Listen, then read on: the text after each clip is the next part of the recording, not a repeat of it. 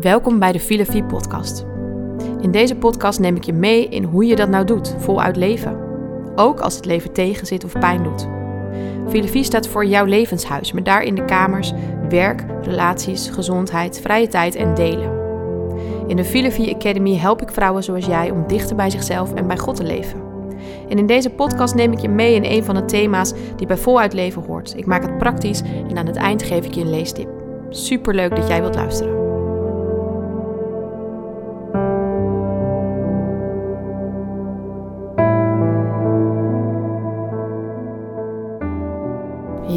Het is weer tijd voor de Filosofie podcast en wat leuk dat jij weer luistert. Vandaag gaan we het hebben over angst. Deze vraag kreeg ik van een vrouw en als ik de vrouwen die ik spreek over hoor, dan denk ik dat angst een thema is waar veel van ons mee te maken hebben. Angst voor verlies, angst voor het onbekende, angst om nieuwe dingen te doen, angst, nou ja, vul maar in. Um, angst is echt iets waar, ja, waar veel vrouwen, ook mannen trouwens, mee worstelen.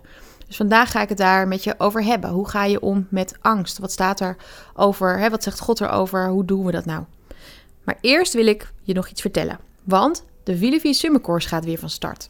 Vorig jaar heb ik die ook gegeven en die is toen door 300 vrouwen gevolgd en werd heel enthousiast ontvangen. Want de Summer Course is een manier om deze zomer even stil te staan op een heel laagdrempelige manier bij jezelf. Om na te denken over lichter leven. Ik heb samen met Sifra Becks, die is zangeres en ook onderneemster en moeder, ze is druk, um, heb ik podcast opgenomen, vier podcasts over uh, ons leven, over dat drukke bestaan, uh, al die ballen die je hoog houdt. Hoe doe je dat nou? En hoe zorg je dat je lichter leeft? Wat helpt daarbij? Nou, Sifra heeft daar echt hele mooie lessen over gedeeld. Ik deel zelf ook mijn tips. En het is dus, de Summercourse bestaat dus uit die vier podcasts die je lekker even kunt luisteren als je bijvoorbeeld op vakantie bent, in je oortjes of gewoon thuis. En vervolgens krijg je ook een werkboekje thuis gestuurd waarin je de opdrachtjes kunt doen en waarin je wat reflectiedingen kunt invullen. Dus het is echt een fijne, laagdrempelige cursus die je makkelijk even in je koffer stopt om mee te nemen op vakantie of die je gewoon lekker thuis doet voorafgaat aan de vakantie misschien wel, of straks in het nieuwe seizoen. Um, ja, filofie.nl slash summercourse, daar vind je alle informatie. Dus je krijgt een mooi werkboekje thuis, je krijgt vier podcasts uh, die met zorg zijn opgenomen. Um, er zit veel werk in en um, vorig jaar is hij dus al door veel vrouwen gevolgd. Dus misschien heb je hem al gedaan. Nou, dan um, kun je hem of nog opnieuw doen of je moet hem even van je voorbij laten gaan. Maar als je hem nog niet hebt gedaan, dan is het echt een aanrader om deze zomer even weer stil te staan bij jezelf, bij voluit leven, vooral bij lichter leven. Dus check filofie.nl slash summercourse. Um, de cursus kost 29,95 en je betaalt dan nog 4 euro voor het verzenden. Um, dus een lekker klein prijsje om um, deze zomer even met jezelf aan de slag te gaan. Maar vooral om gewoon even in de rust te komen en geïnspireerd te worden. Ja, angst. Weet je, ik was een tijd heel erg angstig. Ik had een diepe, diepe angst om mijn kinderen te verliezen. Ik denk dat die ontstaan is al vanaf het moment dat ik kinderen heb. Maar die is nog enorm aangewakkerd toen een tijdje geleden. Misschien heb je dat verhaal ook wel gevolgd. Toen overleed, ik denk dat het een jaar of, ja, ik weet het niet zo goed, twee of drie geleden is. Toen e- overleed het kindje van een aantal voorgangers slash aanbiddingsleiders van um, Battle uit Amerika. Nou, dat was, was, uh, kreeg veel publiciteit omdat uh, die ouders hebben bijna een week lang gebeden om de opstanding van dat meisje. Dus ze wilden eigenlijk ja, eh, niet eraan dat ze echt dood was. Ze vonden haar dood in haar bedje. En ze hebben heel lang gebeden dus of zij weer mocht opstaan. Ik vond dat een heel ingewikkeld theologisch iets. Ik ben daar best wel mee bezig geweest. Um, nou, daar zal ik het nu niet over hebben. Uh, maar het raakte mij enorm dat zij zo hun meisje uh, vonden in bed. Sindsdien had ik een enorme angst om Lopke ook dood in haar bed aan te treffen. En misschien is dit wel iets om meteen te noemen, angsten kunnen heel erg aangewakkerd en gevoed worden. Ik denk, om maar meteen uh, iets, iets, iets stelligs te zeggen, maar ik denk dat veel daarvan door de duivel gevoed wordt. In de Bijbel staan heel veel teksten waarin staat: hè, de jaagt de liefde na, uh, ware liefde verdrijft de angst. Uh, het gaat uiteindelijk is geloven, vertrouwen. Hè, vertrouwen, dat, het woord pistis is daarvoor het, de, de dat is een werkwoord. Vertrouwen op God is hetzelfde woord als geloven. Dus waar gaat het om als wij geloven dat we God durven vertrouwen? Wat is het tegenovergestelde van vertrouwen? Dat is angst. Dus ik denk dat de duivel heel graag door onze angsten heen werkt. En er is heel veel om ons angstig te maken in deze wereld. Er is heel veel wat onzeker kan maken. En wat dus gaat tornen aan ons vertrouwen op God, aan onze relatie uiteindelijk ook met God. Want angst drijft je van God weg. Het maakt je bang, het beklemt je. Het, het, het zorgt er uiteindelijk voor dat, dat je niet leeft op de manier zoals God je heeft bedacht. En dit zeg ik niet om je een schuldgevoel aan te jagen, mocht je heel erg angstig zijn. Um, God is genadig. Alsjeblieft, onthoud dat als ik dit soort dingen zeg. Maar ik denk dat, um, dat het echt een manier van de duivel is om dingen te voeden. En dat het dus ook een ons is om um, daarmee aan de slag te gaan. Van in hoeverre laat ik dit voeden? Dus um, in het geval van mijn angst merkte ik, het gaat me soms echt wel belemmeren. Ik kon zo bang zijn. Um, ik vond het moeilijk om, om ze los te laten. Ik liep elke avond naar het bedje en dan was ik bijna bang dat de lopke uh, ademloos uh, aantrof. Nou, het was echt best wel intens.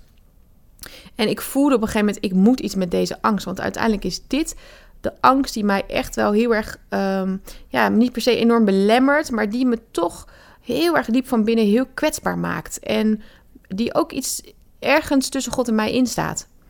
En ik ben uh, er mee aan de slag gegaan. En misschien denk je dan, ja, aan de slag gegaan. Uh, dat klinkt ook zo alsof je het allemaal zelf hebt gedaan. Hoe heb je dat dan gedaan? Um, ik ben ten eerste daarover met God gaan praten. En gezegd, Heer, ik heb deze angst en die wil ik echt heel graag in uw handen leggen. En zo ging ik eigenlijk een proces met God in. Dus als je tegen God zegt: Heer, ik loop hiermee, ik merk dingen, wilt u me helpen? Dan, dan, dan is mijn ervaring dat Hij niet in één keer plop iets weghaalt, maar dan gaat Hij een proces met je in. En dan ga je dingen tegenkomen, in de Bijbel lezen, mensen die dingen tegen je zeggen. Dan gaan er dingen gebeuren.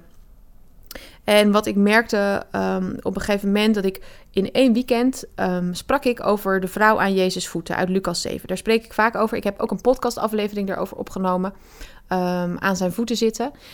Deze vrouw die komt binnen in die eh, kamer waar Jezus aan het uh, eten is met al die fariseërs. Ze helpt en uh, heel Jezus zijn voeten worden nat van haar tranen. Zij is zo kwetsbaar en Jezus zegt uiteindelijk tegen haar: Jij hebt mij echt lief, daarom heb ik jou ook lief. En dit is voor mij een sleutelmoment in de Bijbel in geloven. Omdat ik dus geloof, God wil ons met alles wat we hebben. Hij wil niet alleen maar onze mooiste voordoen. Hij wil niet alleen maar dat we, of helemaal niet zelfs, dat we het goed voor elkaar hebben. Nee, hij wil dat wij met ons allerkwetsbaarste stukje bij hem komen. En dat aan hem durven overlaten. En toen ik in dat weekend zelf over dat thema sprak en ik vervolgens onderweg naar een van die spreekbeurten ook nog een podcast over dit verhaal hoorde. En toen ook nog in mijn eigen kerk op zondag de preek erover ging. Toen voelde ik dat God aan me trok en zei: Heb jij dit zelf al gedaan? Ik liep aan het strand die zaterdagmiddag. En toen, toen voelde ik deze fluistering in mijn hart. Ik voelde heel sterk en daar moest ik hard van huilen. Heb jij zelf al jouw kwetsbaarste deel aan mij gegeven? Mensen vragen wel eens hoe hoor je Gods stem? Ik wist dat dit Gods stem was, omdat het me zo beroerde van binnen, omdat ik niks anders kon dan op dat strand op mijn knieën gaan zitten en zeggen: Heer, neem het alstublieft van mij. Neem het weg. En als je zo geraakt wordt, als je zo van binnen voelt: dit komt niet van mezelf, deze vraag, dan mag je erop vertrouwen dat dat van God is. En ik ben daar op het strand op mijn knieën gaan zitten. Ik heb daar hard gehuild en gevraagd: Heer, neem het dan van mij. Neem dan mijn kwetsbaarste deel. Neem het van me af. En die zondag ging het weer erover, over, dat, over die vrouw. En toen voelde ik: ja, er is iets gebeurd. Ik voel dat ik vrij uit kan zingen over genade en over vertrouwen. En ook weer toen moest ik huilen. Ik voelde iets genezen van binnen. En dit is hoe God, denk ik, werkt. Dat als wij worstelen met iets, met angst of met wat het ook maar is, dan ga je een proces in als je dat aan hem vraagt, waarin je dan kleine stukjes van jezelf geheeld voelt worden. En die heling die voelde ik doordat ik geraakt werd door het lied over genade, doordat ik kon meezingen, doordat ik moest huilen, doordat ik opluchting voelde. En zo voelde ik me geheeld. Is de angst dan volledig weg? Nee, niet totaal. Dat durf ik wel te zeggen. Niet totaal. Maar hij is veel minder, veel minder diep, veel minder heftig. Ik loop niet meer. Ik ga nog steeds elke avond bij Lopke en Otte kijken. Maar die angst om dan haar dood aan te treffen is veel kleiner. Um, ja, er is zeker iets geheeld en veranderd. En ook omdat ik uiteindelijk heb gemerkt: is het echt mijn angst om te verliezen? Of is het ergens ook de pijn die ik ergens voel over mijn eigen kleine meisje zijn? Over mijn eigen ja, stukje wat ik zelf ergens ben verloren. Het had ook te maken met ergens heel diep van binnen. En dit ging heel diep. En ik dacht, Heer, wat doet u met me? Maar dit is dus wat er gebeurt als je zo'n proces ingaat. Dat ik uiteindelijk aan mezelf de vraag stelde: gaat dit uiteindelijk heel diep ook om hoe ik naar mezelf kijk, om hoe ik mijn eigen kleine meisje een plek geef en voor haar zorg? Die vraag kwam er zelfs nog een beetje achterweg. Dat het uiteindelijk zelfs over verlies van mijn eigen kleine meisje ging. En ook daarin is een stuk geheeld. En ik ben daar nog niet helemaal. Ik zit daar nog wel een beetje in. Uh, maar ook daarin is een heel stuk geheeld. Goed, over angst. Ik heb nu mijn ervaring vooral gedeeld. Ik denk dat je hier al wat dingen uit kan halen, maar ik wil toch nog even wat concrete tips geven. En dat is dat je ten eerste ermee naar God gaat, elke keer weer. En de tweede is dat je ook het niet te veel laat voeden. Dus op het moment dat je voelt, ik, ik, deze angst is zo groot, dat je dan ervoor kiest om mooie, vertrouwde dingen daartegenover te zetten. En dan bedoel ik vertrouwde dingen, dingen die je vertrouwen voeden. Uh, Bijbelteksten die zeggen: uh, De Heer is het vertrouwen waard, of Hij zal zijn belofte nakomen, of wat het ook maar is wat je vertrouwen voedt. Zet er iets tegenover en zeg dat. Nou, zei laat een vrouw tegen mij, maar angst is toch niet altijd verkeerd? Want het kan ook een soort raadgever zijn die je zegt: Nou, dit moet je misschien niet doen als je ergens angstig van wordt. En toen zei ik tegen haar: van ja, maar ik denk dat dat eerder intuïtie is. Dus ik denk dat angst over het algemeen nooit heel goed is. Dat het. Um, uh, altijd iets ja, negatiefs is, maar dat het wel heel goed is om inderdaad, natuurlijk, soms te luisteren als iets je heel onrustig of angstig maakt. Um, dan moet je soms ook aan jezelf vragen: vind ik dit angstig of ben ik hier bang van? Omdat het gewoon heel spannend is. En moet ik wel de stap zetten? Moet ik er wel doorheen? Die vraag moet je dan eerlijk aan jezelf stellen. En voel je ook niet schuldig als er wel regelmatig angst in je leven is. Het is zo menselijk om dat te voelen, omdat er iets in ons zit wat heel graag wil vasthouden en de controle wil houden. En uiteindelijk zijn kun je dat zien elke keer als oefenmomenten om dichter bij God te gaan leven. Om elke keer te zeggen: Ik geef dit in uw handen, Heer. En ik wil dit loslaten. Want uiteindelijk gaat vertrouwen en geloven over. Durf jij je leven helemaal en compleet, inclusief het leven van je naaste en je geliefde, inclusief je gezondheid, inclusief je lichaam, durf je dat helemaal over te geven aan zijn liefde en zijn genade en durf je hem daarin te vertrouwen.